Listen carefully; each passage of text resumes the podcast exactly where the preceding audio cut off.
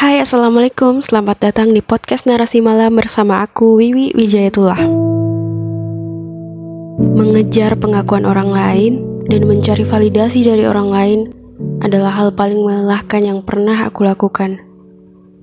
Karena dalam proses mencari validasi orang lain Tanpa sadar, aku sedang meletakkan titik keberhasilanku pada standar yang dibuat oleh orang lain. Dan aku bahkan tidak tahu sampai di mana ujungnya. Tapi aku percaya tidak ada yang sia-sia. Setidaknya dari situ aku belajar untuk lebih mencintai diri sendiri, untuk lebih mengenal diri sendiri. Karena kalau aku sendiri tidak tahu apa yang aku inginkan dalam hidup, bagaimana aku bisa membuat standar dan target untuk diri sendiri? Ujung-ujungnya hanya akan terombang-ambing dalam standar yang dibuat oleh masyarakat. Aku belajar bahwa setiap tangga kehidupan akan selalu ada ujian dan pembelajaran yang membuat kita bertumbuh. Akan ada kejadian yang membuat kita sadar, oh, ternyata menentukan prioritas dalam hidup sangatlah penting. Oh, ternyata sebelum aku mampu membahagiakan orang lain, yang paling berhak untuk dibahagiakan adalah diri sendiri. Oh, ternyata selama ini semua tujuan yang aku cari sudah sangat jelas tertulis di Al-Quran dan hadis Rasulullah.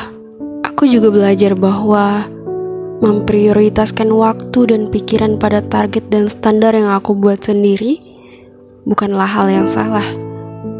Karena yang lebih mengenal aku adalah diriku sendiri. Perihal memuaskan hati orang lain bukanlah tanggung jawabku. Karena pada akhir nanti, aku sendiri yang akan mempertanggungjawabkan hidup ini, bukan orang lain. Pendapat orang lain terhadap diriku tidak mendefinisikan diriku yang sebenarnya. Karena kadang ada yang menilaiku sangat baik, padahal sebenarnya aku masih jauh dari kata baik. Ada juga yang menilaiku sangat buruk, tapi bisa jadi sebenarnya aku tidak seburuk itu. Banyak hal yang tidak bisa didefinisikan hanya dari satu sisi. Dan dunia ini terlalu berisik kalau setiap pendapat harus disimpan dalam kepala. Beberapa lebih baik diabaikan. Karena untuk apa membawa beban yang tidak aku butuhkan dalam perjalanan untuk bertumbuh dan menjadi lebih baik. Dan sekali lagi, yang lebih mengenal aku adalah diriku sendiri.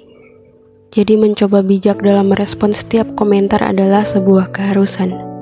Bagiku, menjalani hidup dengan bahagia dan rasa syukur – bukan berarti kita berusaha terus-terusan bahagia dalam keadaan apa pun dan kapan pun, tapi dengan menikmati setiap perasaan yang Allah berikan pada kita. Senang, sedih, kecewa, dan tetap memberi porsi yang wajar pada semua perasaan itu. Saat aku diberi ujian kesedihan, entah itu dengan kehilangan atau kegagalan, maka untuk sesaat aku tidak akan berusaha bahagia ataupun pura-pura bahagia. Karena itu jauh lebih melelahkan daripada menerima keadaan. Karena dengan kesedihan, aku lebih menghargai kehadiran orang-orang di sekelilingku. Dengan kekecewaan, aku belajar untuk tidak menaruh harap pada orang lain.